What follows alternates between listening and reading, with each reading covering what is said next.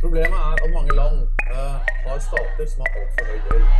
Man fortsetter et system hvor å dytte inn mer penger i et bunnløst hull hvor gjelda faktisk stiger. Problemet er Argentina's financial crisis has been festering for 15 years. altfor høy gjeld. Alt- alt- Altfor. Stadig tøffere og tøffere og tøffere over i disse landene. Du hører på Gjeldsbrevet, Slugg, nettverk for rettferdig gjeldspolitikk sin podkast. Mitt navn er Kristoffer Jacobsen. Og jeg er Karoline Arnesen, og i dag så skal vi snakke om gjeldshistorie. Yeah, det er veldig spennende. Vi sier jo veldig ofte at Norge har vært et foregangsland internasjonalt når det kommer til gjeld. Mm. Og i dag så skal vi høre litt om uh, hva vi faktisk har gjort fram til nå, eh, opp gjennom historien. Og du har jo da snakket med noen av ringrevene i gamet, Karoline, hvis man kan si det. Det stemmer. Vi har snakka med masse folk som virkelig var midt oppi det da lille Norge gjorde store ting for rettferdig gjeldspolitikk. Og historien vi skal snakke om i denne episoden, går fra sånn tidlig 90-tall og framover. For å gi dere et lite innblikk i hvordan verden så ut på dette tidspunktet, tar vi en kjapp oppsummering. Etterkrigstida var preget av sterk økonomisk vekst i de industrialiserte landene. De to frontene i den kalde krigen kjempet om innflytelse i utviklingsland, og Vesten tilbød billige lån til de landene som valgte vekk kommunismen. På 70-tallet vokste u-landsgjelda fra 90 milliarder dollar til hele 750 milliarder dollar. Første halvdel av 70-tallet var preget av høy oljepris, og bankene ble de store vinnerne. De ble sittende med et overskudd av kapital, og lånte da aggressivt ut penger til fattige land med veldig lav og i noen tilfeller negativ rente. På slutten av 70-tallet oppsto det en oljekrise som førte til ustabilitet i verdensøkonomien. Da gikk rentene raskt opp, og mange land sleit med å betjene lånene sine. Og på begynnelsen av 80-tallet brøt ut en gjeldskrise. Mexico's economic crisis deepened today with stocks dropping sharply and the peso still under fire. Det startet med Mexico, som i 1982 erklærte at de ikke kunne betale ned gjelda si, og var da i praksis konkurs. Det hadde aldri skjedd før at en stat gikk konkurs, og Brasil fulgte raskt etter. Av de 315 milliarder dollarene Latin-Amerika hadde gjeld i 1982, var mer enn to tredjedeler gjeld til banker.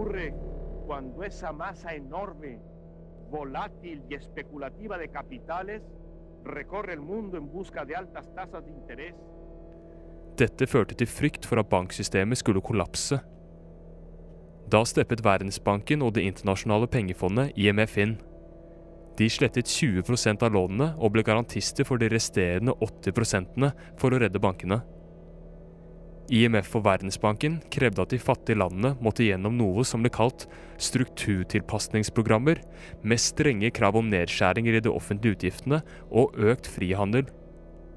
Landene hadde liten mulighet til å protestere, og det var befolkningen som måtte bære konsekvensene av de udemokratiske kravene, ved at det f.eks. ble store kutt i helse- og utdanningsbudsjetter.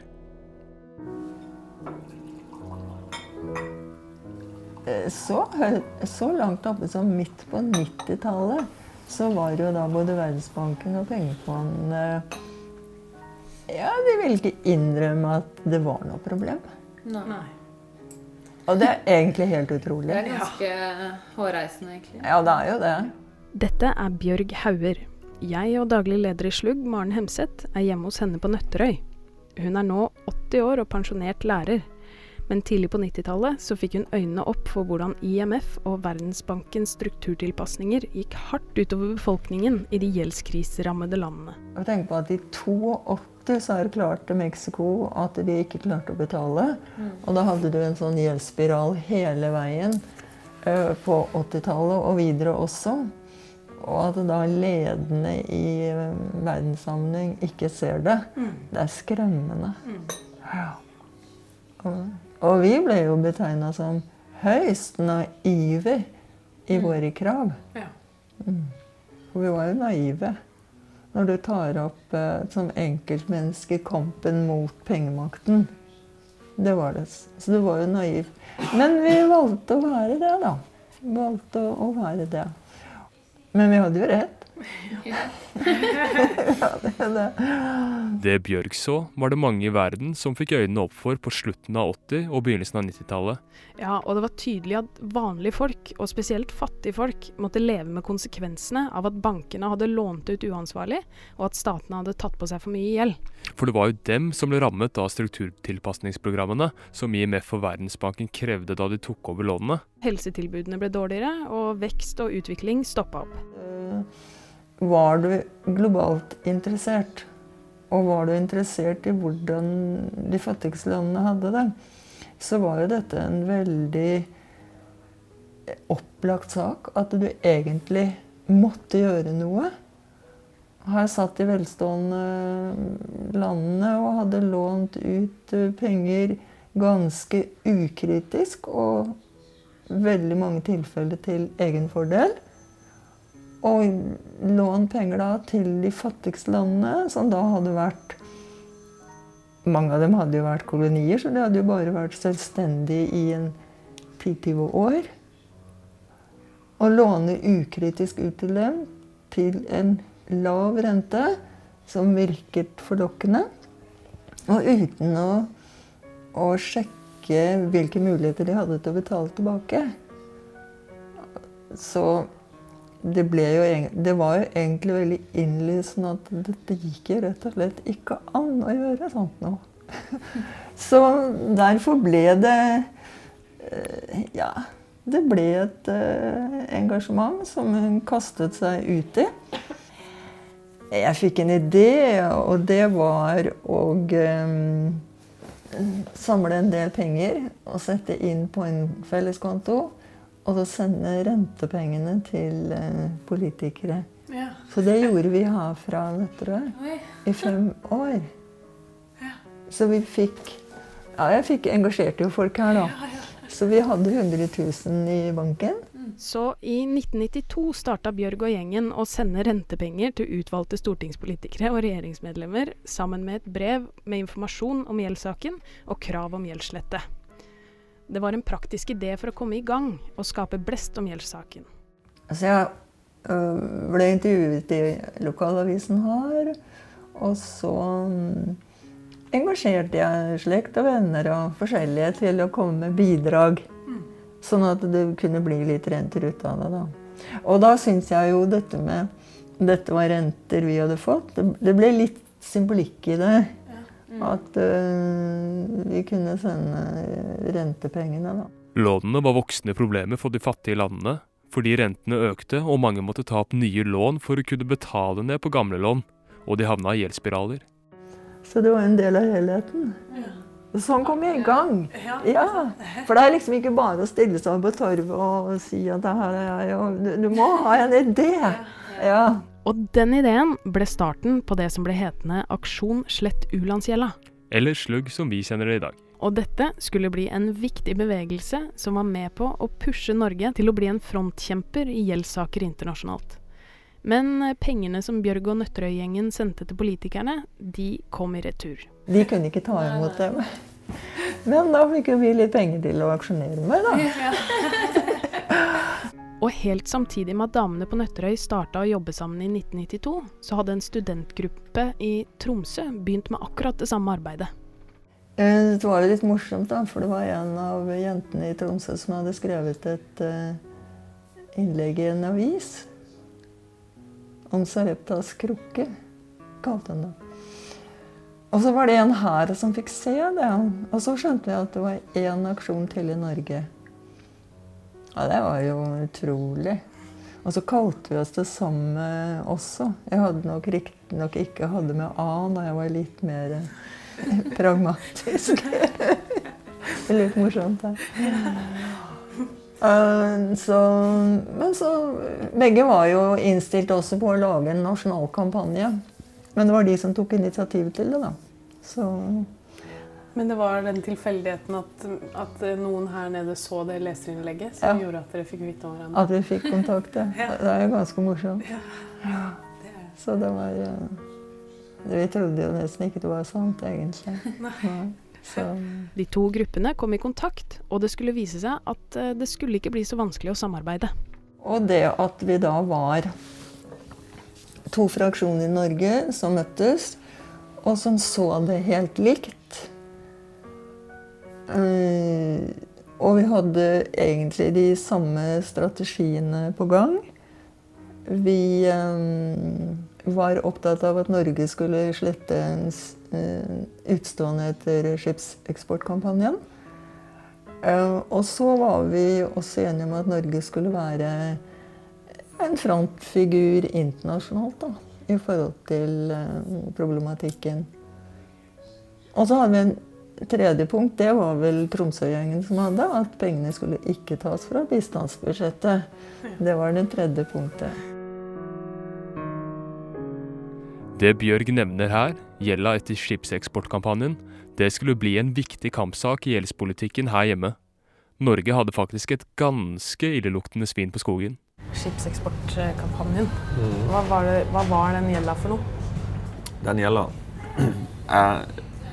oppsto på en, eh, en, periode der det var eh, sto veldig dårlig til med norsk eh, verftsnæring. Dette er Jens Aas Hansen. Han har jobba med gjeldspolitikk i mange år.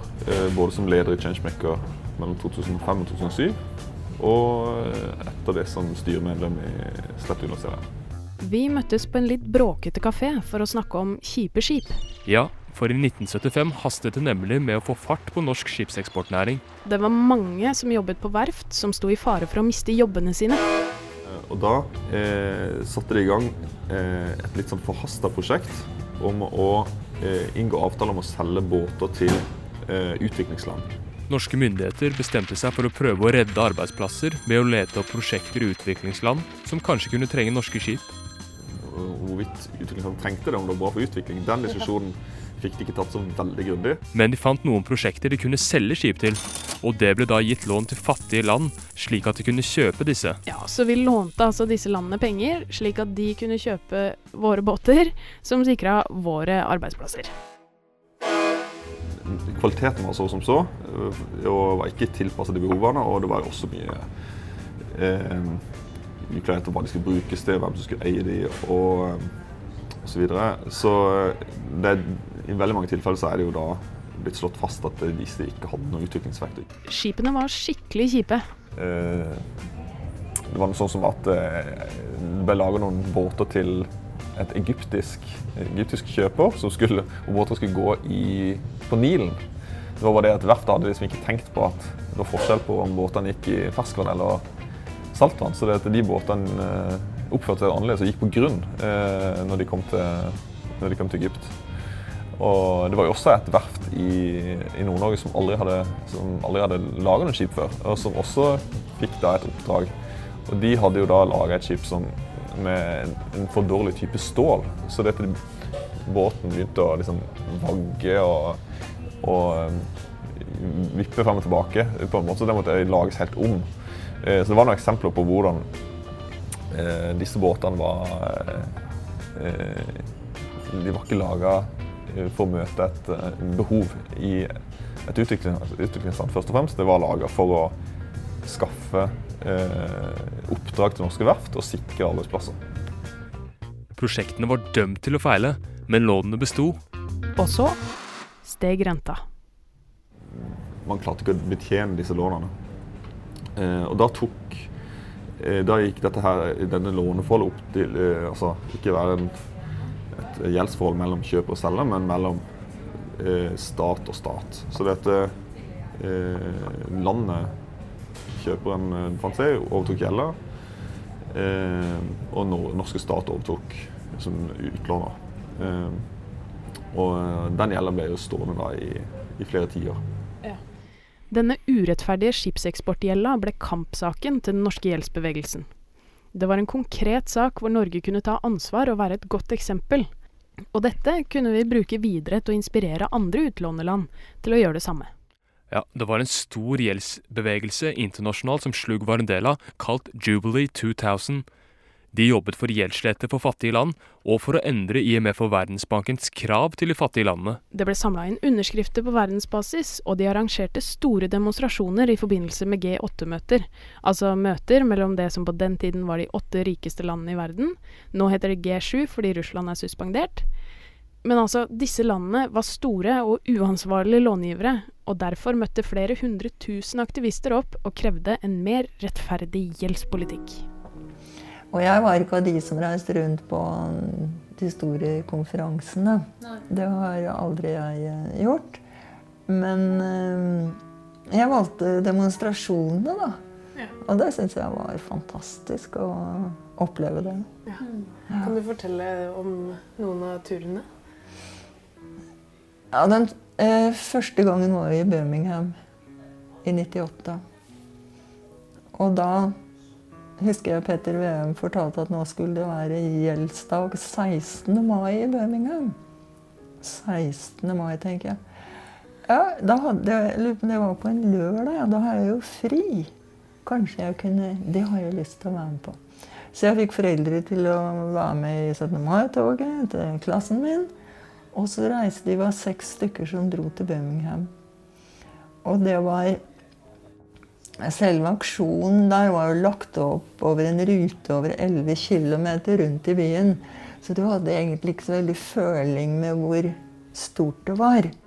Men før demonstrasjonen var det et stort møte i en katedral. Og der var det stappfullt med folk, både inne og ute. Så alle som var engasjert i gjeldsslettesaken den gang, tror jeg måtte være der. Så var det da appeller av folk fra hele verden.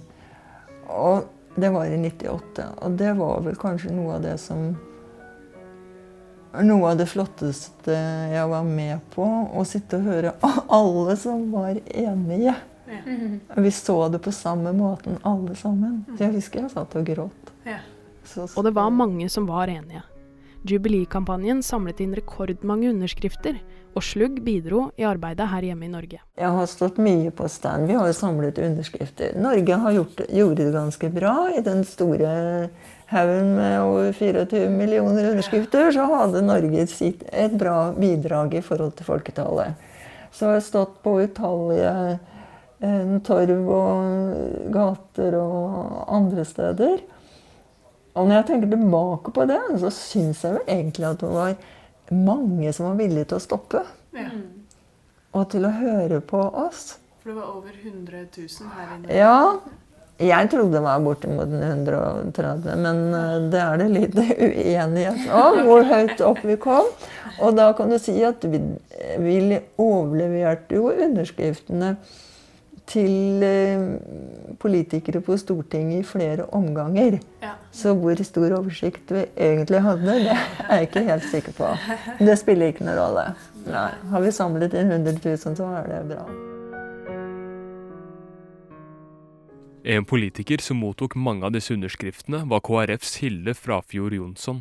Da vi begynte med dette, det var da jeg satt på Stortinget i 96, la vi fram den første gjeldsplanen eh, fra KrF sin side og krevde en helt annen gjeldspolitikk fra den gangen Gro Harlem Brundtlands regjering. Eh, da var det ikke et tema, omtrent. Og grunnen til det den gangen var jo den gjeldsbyrden som de fattigste landene hadde. Mange av dem var våre samarbeidsland. Og vi så jo at eh, det var en enorm eh, byrde som hadde direkte virkning på eh, fattige menneskers liv. Gjeldsplanen handlet om hvordan vi som utlåner kunne lette gjeldsbyrden til de fattige, gjeldstyngende landene.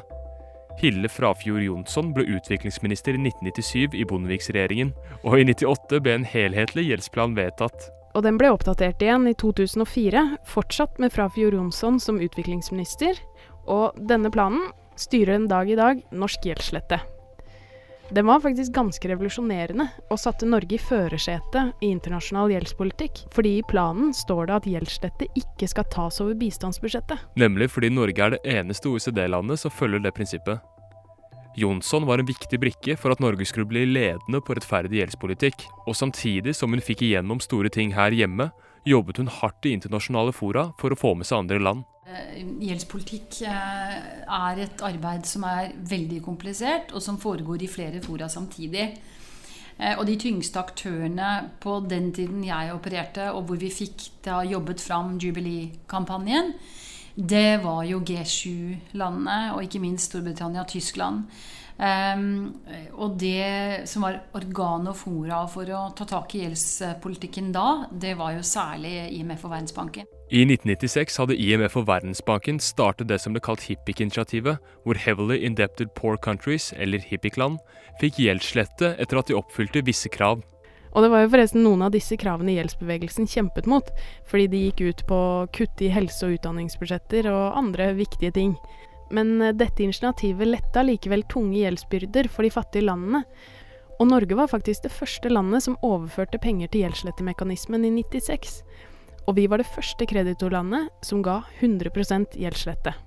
De andre rike landene holdt seg veldig lenge på 90, men etter hvert så fulgte de også Norges eksempel.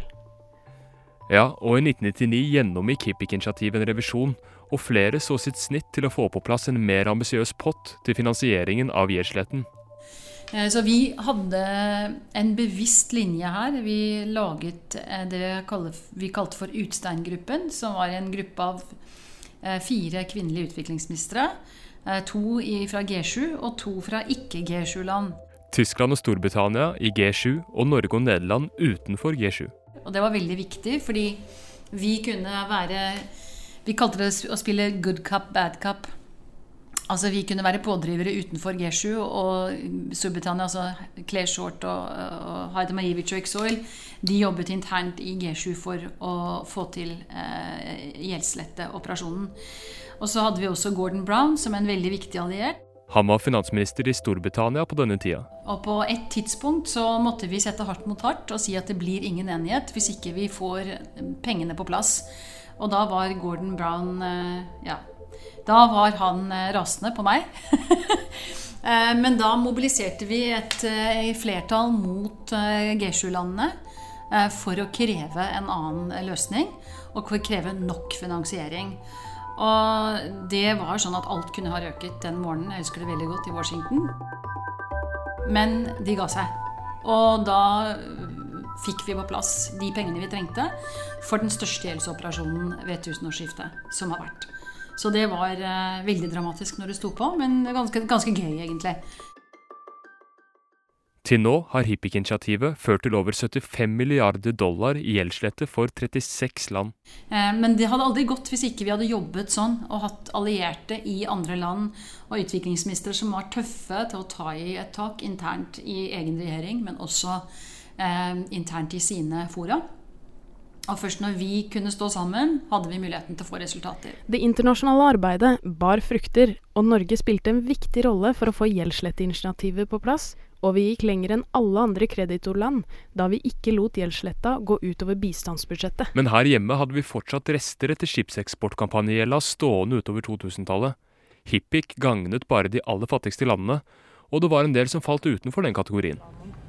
Altså, Hilde Fogh Johnsen hun var veldig opptatt av gjeldslette. Eh, men hun var opptatt av å prioritere de fattigste landene, eh, som jo for så vidt er bra, de som har mest behov for gjeldslette. Eh, men det var ett problem med det, og det var at eh, hun var litt nølende til å gå inn på dette eh, spørsmålet om illegitim gjeld. Altså at hvem som egentlig hadde ansvar for gjelden. Illegitim gjeld er altså gjeld som har blitt tatt opp og lånt ut veldig uansvarlig. Ja, og kampen for å slette illegitim gjeld har vært en kjernesak i den globale gjeldsbevegelsen, fordi det er en grunnleggende urettferdighet at befolkningen i fattige land betaler tilbake på gjeld som ikke har kommet dem til gode. Eh, her var det først og fremst snakk om å slette gjelder fordi det var behov i de landene for gjeldslette. Eh, men hun gikk også inn på diskusjonen om illegitim gjeld, og dermed så starta en debatt som måtte var mulig å eh, se for seg at rike også har et ansvar. Eh, men å få implementert dette i faktisk gjeldslette, så langt eh, gikk hun aldri. Men da skjedde jo eh, eh, veldig spennende ting da regjeringserklæringen fra rød-grønne kom, og Erik Solheim gikk inn som utviklingsminister.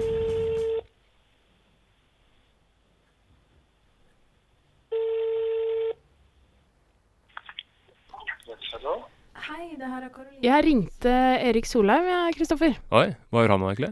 Han er på jobb i Japan. Eh, for han er nå direktør for FNs miljøprogram. Men han var jo som kjent utviklingsminister i den første Stoltenberg-regjeringen. Og i den regjeringens første politiske samarbeidsplattform, Soria Moria-erklæringen, så sto det at Norge skal innta en enda mer offensiv holdning i det internasjonale arbeidet med å lette fattige lands gjeldsbyrder. FN må utrede kriterier for hva som kan karakteriseres som illegitim gjeld, og slik gjeld må slettes. Det høres jo veldig bra ut. Ja, det her var store nyheter for gjeldsbevegelsen. For regjeringa ønska både å se på illegitim gjeld, og så slette den. Det er jo helt topp. Det er supert. Jeg spurte Solheim, som jo var representant for SV i regjeringen, om dette var noe han var sikker på at de ønsket å gjennomføre allerede før de vant valget i 2005. Det var iallfall noe vi var sikre på at vi at uh, Jeg var iallfall sikker på at jeg ville bidra til å gjøre det. Du vet jo alltid hva du får til når du må samarbeide med andre, men vi var veldig sikre på at vi ønsket å gjennomføre det. For når den rød-grønne regjeringa var så offensiv på at man ikke bare skulle ettergi gjeld fordi de fattigste landene trengte det, men at noe gjeld faktisk var illegitim og derfor måtte slettes, så måtte det jo skje. Ja, da var det på tide. Denne skipseksportgjelda måtte vi bli kvitt. Det som var mest interessant med den saken, var at veldig mange hadde snakket om det veldig lenge. I årevis. Ingen hadde fått ut fingeren til å gjøre det. Eh, da vi drev fram at det skulle gjøres, så var det også alle mulige motforestillinger hvor farlig det var. Det var jo til og med notater fra Finansdepartementet som hevdet at dette Norges, eh, Norges internasjonale eh, omdømme som en solid finansnasjon ville komme i fare hvis vi gjorde dette. Det var helt umulig å få til. Men så skjedde det. Og etterpå var det stille. Eh, når vi hadde gjort det, var alle enige om at det var riktig ting å gjøre. Alle partiene på Stortinget så vidt jeg kan huske var, var enige om at det var riktig. og ingen opposisjon. Ingen opposisjon i media. Og ikke følte det så mye som en krusedull på Norges finansielle omdømme. Det var rett og slett bare politisk vilje som hadde manglet frem til 2006 all erfaring jeg ser alle steder i verden, er at politisk lederskap er den avgjørende faktor for å lykkes. De landene som har godt politisk lederskap, lykkes bra. De som har dårlig, lykkes veldig dårlig. Og på alle, alle nivåer så må, må, noen drive fram en beslutning. Og I dette tilfellet drev vi den fram, men, eh, men vi fikk også støtte, støtte fram. SV var det partiet som jobba det fram, og etter forhandlinger så ble samarbeidspartiene Arbeiderpartiet og Senterpartiet også med. Det at gjeldsbevegelsen holdt trykket oppe rundt saken, var et viktig bidrag. Også, uten den pushet fra gjeldsrettekampanjen og Changemaker og alle de aktivistene, så hadde det heller ikke skjedd. Jeg er glad for å bidra til det i regjeringskorridorene, men du trenger også folk som pusher det i samfunnet utenfor. Så den politiske viljen var nå på plass. Men, og det var et ganske stort men, hvordan i all verden skulle vi praktisk slette den gjelda? Som gjeldsbevegelsen hadde krevd, så skulle den ikke tas over bistandsbudsjettet. Men hvordan skulle vi gjøre det da? Jo, det har jeg prøvd å finne litt ut av, faktisk. Vi holdt nok på i et år med diskusjoner oss imellom om, om vi skulle gjøre dette, på hvilken måte vi skulle gjøre det, og hvordan vi skulle på en måte bokføre det. Dette er Bjørn Brede Hansen. Jeg leder seksjonen for multilaterale utviklingsbanker i Utenriksdepartementet. Populært kalt bankseksjonen. Og det har jeg nå gjort i, på sjette året. Og jeg har også da i et tidligere liv jobbet i samme seksjon med gjeldsspørsmål. I 2006 var han saksbehandler i bankseksjonen med ansvar for internasjonale gjeldsspørsmål, og var Norges representant i Parisklubben. Og Parisklubben det er en klubb hvor rike kreditorland diskuterer gjeld og gjeldslette seg imellom. Ja, Så det var naturlig at det var han som var den som skulle jobbe med å få denne gjelda sletta.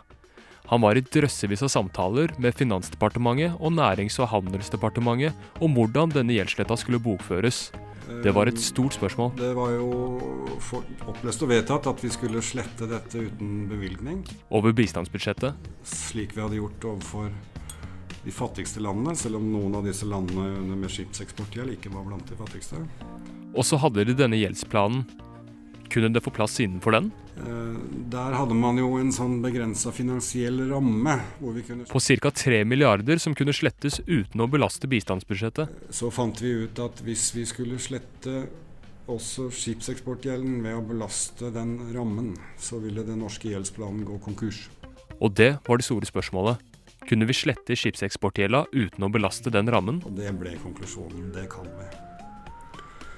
Og det prinsippet ble på en måte da også knefesta av Stortinget. De fant ut av det, og gjelda ble sletta uten å ta fra bistandsbudsjettet eller gjeldsplanen for de fattigste landene. Det var veldig vågalt, og selvfølgelig veldig rettferdig. Men ikke helt greit, syns de andre rike landene. Og ensidig gjeldssletting overfor altså relativt litt rikere land det er enda mer kontroversielt enn å gjøre det for de fattigste. Så jeg fikk jo en del juling når jeg satt i stolen i Parisklubben fra andre kreditorland som egentlig syntes at Norge bryter dette såkalte solidaritetsprinsippet kreditorlandene imellom i Parisklubben. Så det er vel noe av det mest krevende jeg har vært oppe internasjonalt, å få såpass mye pepper. Men uh, dette var politisk ledelse helt bestemt på at dette skulle vi få til. Så den stormen red vi av. Og det, det viktige som skjedde da, var at man sletta gjelda. Og så gjorde man én ting til. Man eh, erklærte at Norge hadde et medansvar, og at det var noe av grunnen til at man sletta gjelda. Dette er Jens Aas Hansen igjen. Det at Norge tok medansvar som kreditor, og at vi rett og slett sa at vi hadde vært uansvarlige, det var en vanvittig stor seier for gjeldsbevegelsen i Norge. Slugg og gjeldsbevegelsen da, eh, og changemakers jeg var en del av, ville jo måtte få slått fast at dette her var illegitim gjeld. De ønska å høre det fra politikerne, og håpet var at dette kunne få en dominoeffekt internasjonalt. Altså at andre kreditorland kunne se at Norge ikke var redd for å kalle gjeld illegitim, og ikke var redd for å si unnskyld. Det som da, det vi da gjorde, det var at vi laga en stor, en stor snakkeboble som hadde to sider. Eh, og den ene sida av snakkeboblen så sto det det er viktig å si unnskyld. Eh, og på den andre sida så sto det det er ikke viktig å si unnskyld.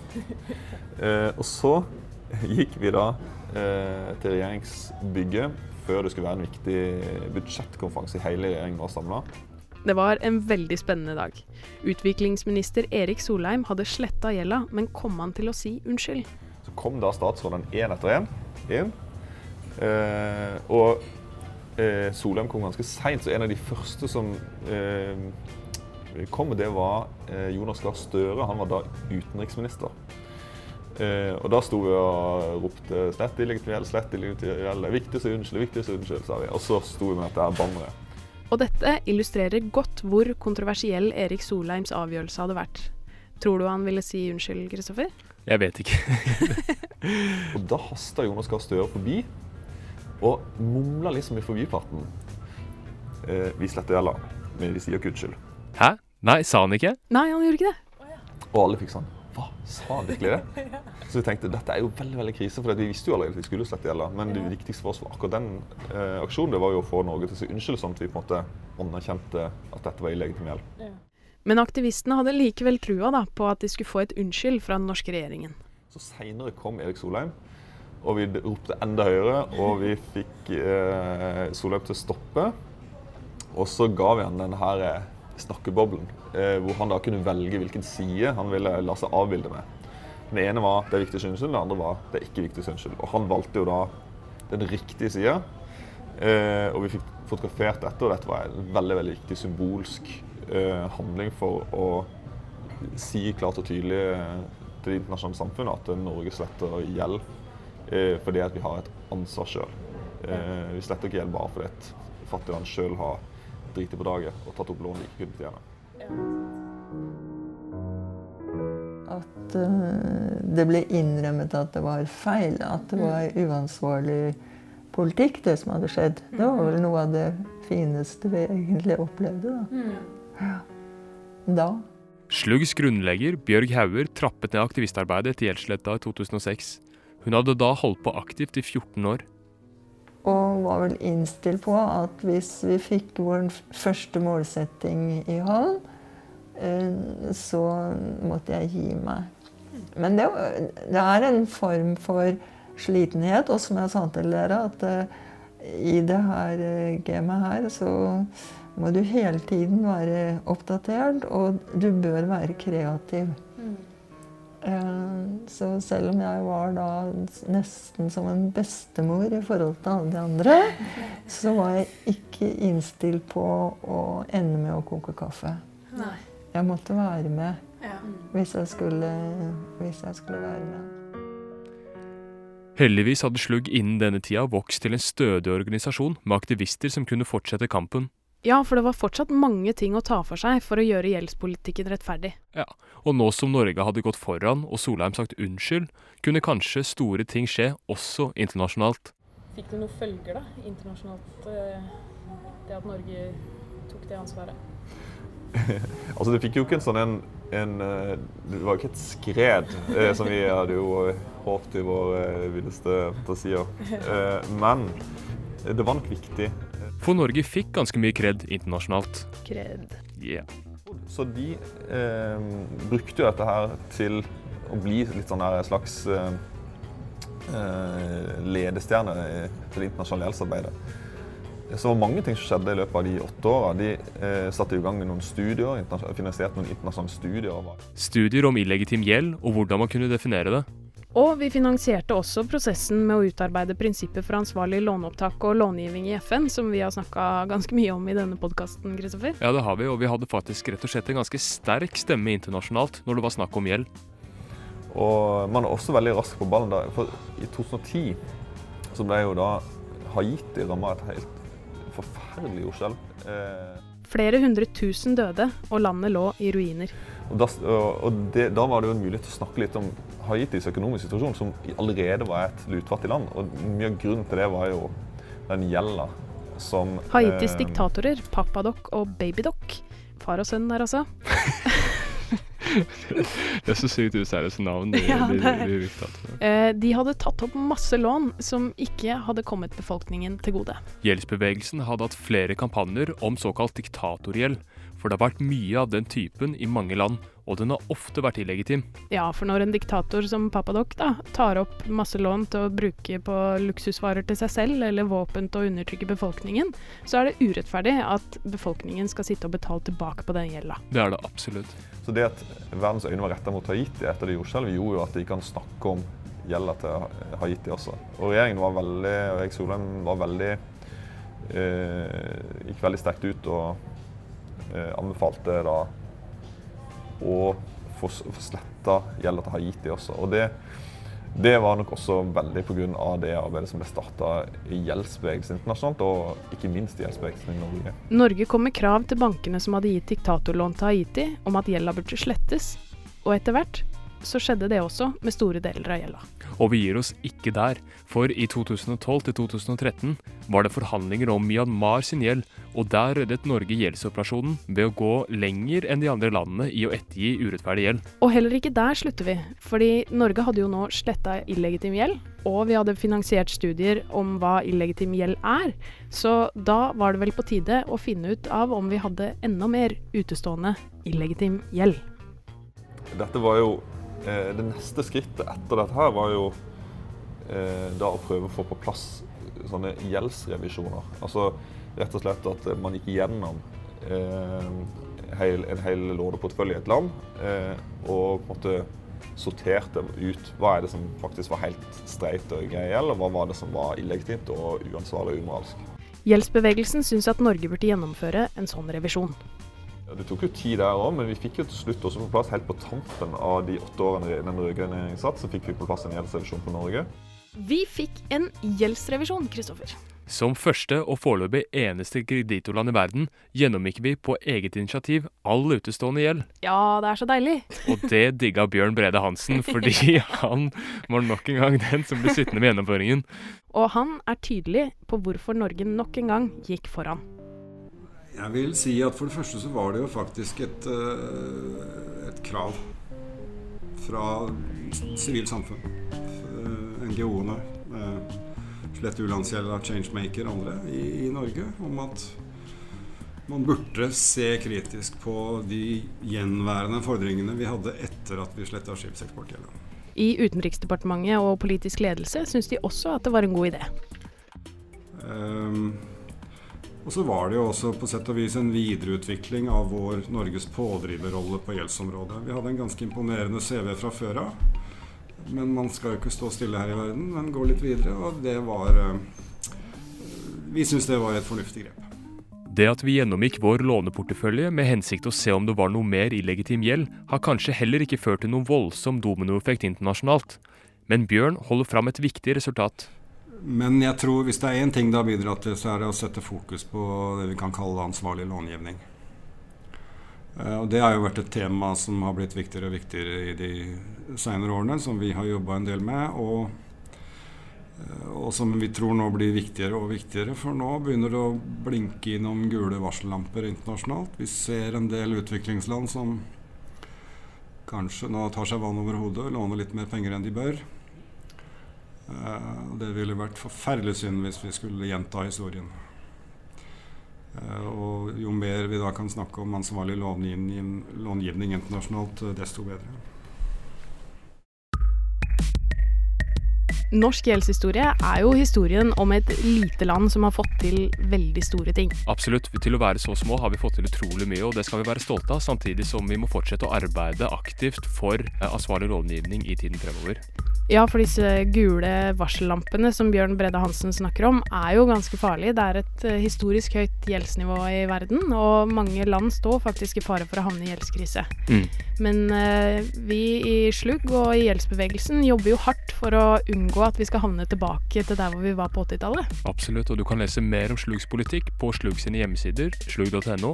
Besøk også gjerne Facebook-sidene våre, og ikke minst å høre på andre episoder av Gjeldsbrevet på Soundcloud. Eller i din utvalgte podkast-app. Vi høres!